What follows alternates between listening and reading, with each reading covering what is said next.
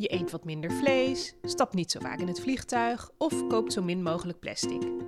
Iedereen doet op zijn eigen manier iets voor een mooiere wereld.